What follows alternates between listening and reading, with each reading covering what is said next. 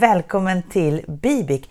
Det här är podden för dig som vill ta dig själv eller det du skapar till nästa nivå. Vid mikrofonen Magdalena Bibik. Det är måndag morgon och varje vecka så får du här lifehacks och tips och strategier för hur du dels då ska ta dig själv till nästa nivå professionellt men också hur du skulle kunna tänka för att, för att allt du gör ska bli lite extra och idag är ju ett sånt här avsnitt där jag skulle vilja dela med mig av en fundering. Jag har en tanke som, som har stört mig, eller stört, ja jo, den har stört mig tillräckligt länge utan att jag egentligen har kunnat sätta fingret på vad det är.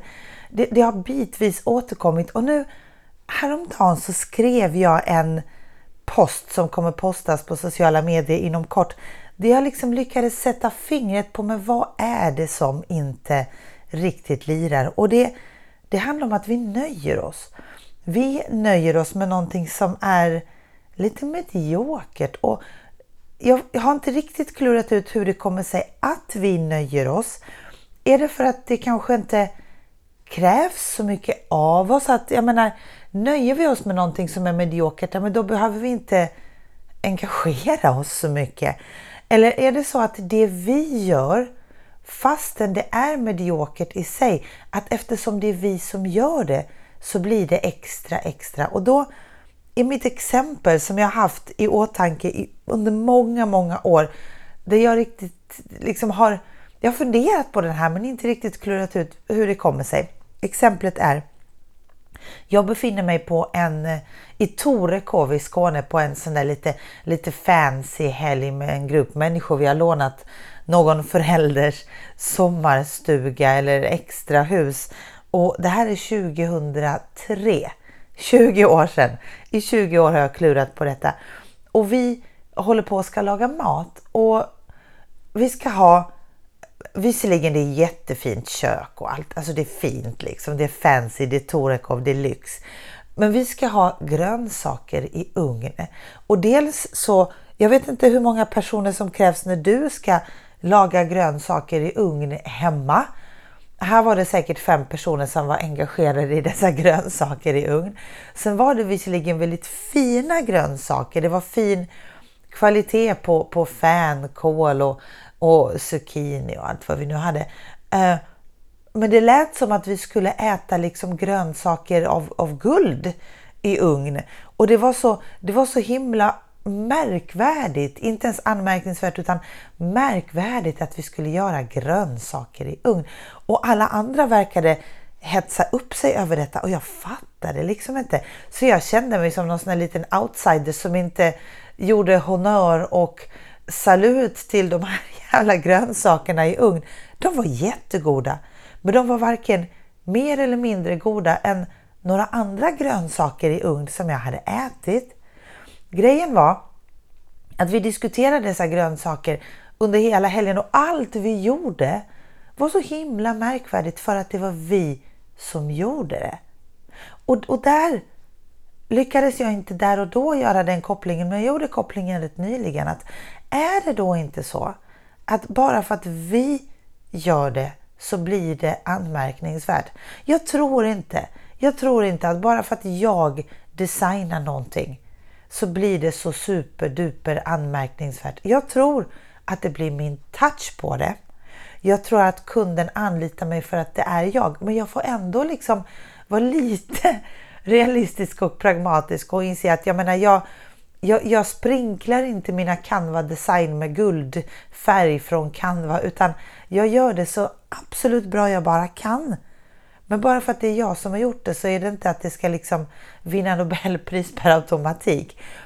Och jag tror att där har vi liksom satt käppar i hjulet för oss. För att om jag har mindsetet att bara för att jag gör någonting så är det super extra, herregud, så gör det att jag liksom inte kommer bli bättre. För att om inte jag kan realistiskt förstå att jag gör mitt yttersta utifrån mina förutsättningar jag har, men det betyder inte att det här är min, min, min framtida högsta nivå. Jag behöver ju hela tiden bli bättre och lära mig mer och göra saker som gör att min nästa grej blir ännu bättre än det jag hade. Jag menar det jag, det jag levererar till kunden om ett år kommer ju garanterat vara bättre än det jag levererar till kunden idag. Fastän, fastän jag är nöjd med det här som, som jag levererar idag så, så ämnar jag att bli ännu bättre.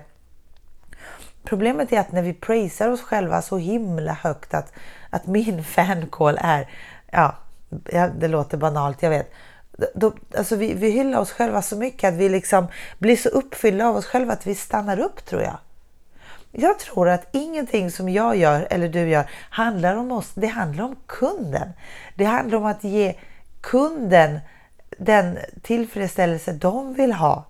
Annars hamnar vi i den här grönsaker i ugn metaforen att ja, men det är mina som är bäst och sen finns det liksom inga bättre och det här är det bästa som har hänt. Teori nummer två på varför vi nöjer oss med det mediokra istället för att vi då hyllar oss själva till skyarna och stannar där så tror jag att vi ibland inte orkar engagera oss. Att, vi, att det är så mycket att vi tänker att ja, ja, det här blir bra. Och det scenariot uppstår kanske då när vi redan har för mycket eller när det vi gör inte är tillräckligt intressant för oss. Vi bryr oss inte tillräckligt mycket om det. Och det är också helt fine. Jag har, nu, nu har jag ett specifikt scenario också i åtanke och det handlar om konferenser och vad man gör på konferenser. Jag läste nyligen om någon som beskrev ett evenemang där deltagarna blir helt exalterade över att de fick bygga, eh, baka pizza med varandra. Och att de fick bygga lego i skogen. När jag tänker att man bygger lego i skogen, då tänker jag att man kommer till ett skogsparti där det är liksom miljoner bitar lego i någon form av coolt kluster, någon sån här skog i skogen som man kliver in i, du vet, och får interagera lego med de riktiga träden. Alltså, vet, när jag tänker bygga lego i skogen, då är det som att lego har en liten, eh, eh, en liten filial i skogen som man får hyra per timme. Jag såg en bild på det här byggeriet av lego i skogen och då är det någon som har tagit ut lite papper och en liten låda med några vanliga, vanliga legobitar och så skulle man sitta kanske i en kall och blåsig skog och bygga lego. Ah, ja, yes but no. Är detta saker vi hetsar upp oss över? Eller så är det så pass mediokert att vi tänker ja, ja, vi gör det här så har vi gjort det här evenemanget, den här konferensen. Men likväl så har vi liksom nöjt oss där. Ska vi nöja oss eller ska vi förutsätta att om vi ska bygga lego i skogen då åker vi till Legos skogsfilialer, varenda bit som finns i hela världen går att få tag på.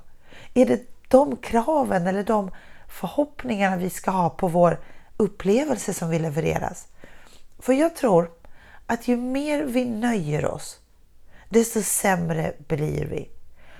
Och desto, desto mindre utvecklas vi. Och där har jag också ett recept. För vi behöver inte åka iväg någonstans. Vi behöver inte göra en banal aktivitet. Vi kan bara prata med varandra. Vi kan sätta oss mitt emot varandra, kanske med en god kaffe, det skälper ju aldrig. Och ha ett samtal som är så intressant att vi inte behöver props. Att vi inte behöver aktiviteter som fyller ut tid att, att någon annan kan baka vår pizza för vi kommer vara så upptagna i vårt samtal att vi inte ens kommer ihåg att vi har ätit den. De där aktiviteterna tror jag mer på och det är de som får oss bättre. Det är de som får oss till nästa nivå. Skit i props, skit i att åka iväg, även om jag då delvis förstår att man ibland behöver miljöombyte för de här samtalen. Nej, men sätt dig på ett café då och, och sätt igång och börja prata med varandra. För jag tror också att ibland när vi, när vi gör de här typen av aktiviteter som blir så himla anmärkningsvärda, då gömmer vi oss bakom dem. Jag menar vi som satt där i Torekov, vi pratade bara om de här grönsakerna i ugn. Jag kommer inte ihåg ett, ett viktigt samtal från hela helgen. Och vi hade alla förutsättningar som bara kunde tänka sig, men det hände aldrig. Så frågan är, är det så att när vi gör banala aktiviteter och nöjer oss med dem, att vi kanske har gömt oss bort från de där viktiga issuerna, de där viktiga samtalen vi skulle ha haft. Så att banala aktiviteter eller viktiga samtal. Jag hoppas att den här, det här avsnittet gav dig insikt och, och tankar och att du från och med nu tänker lite annorlunda kring vad du nöjer dig med. Vi hörs nästa gång.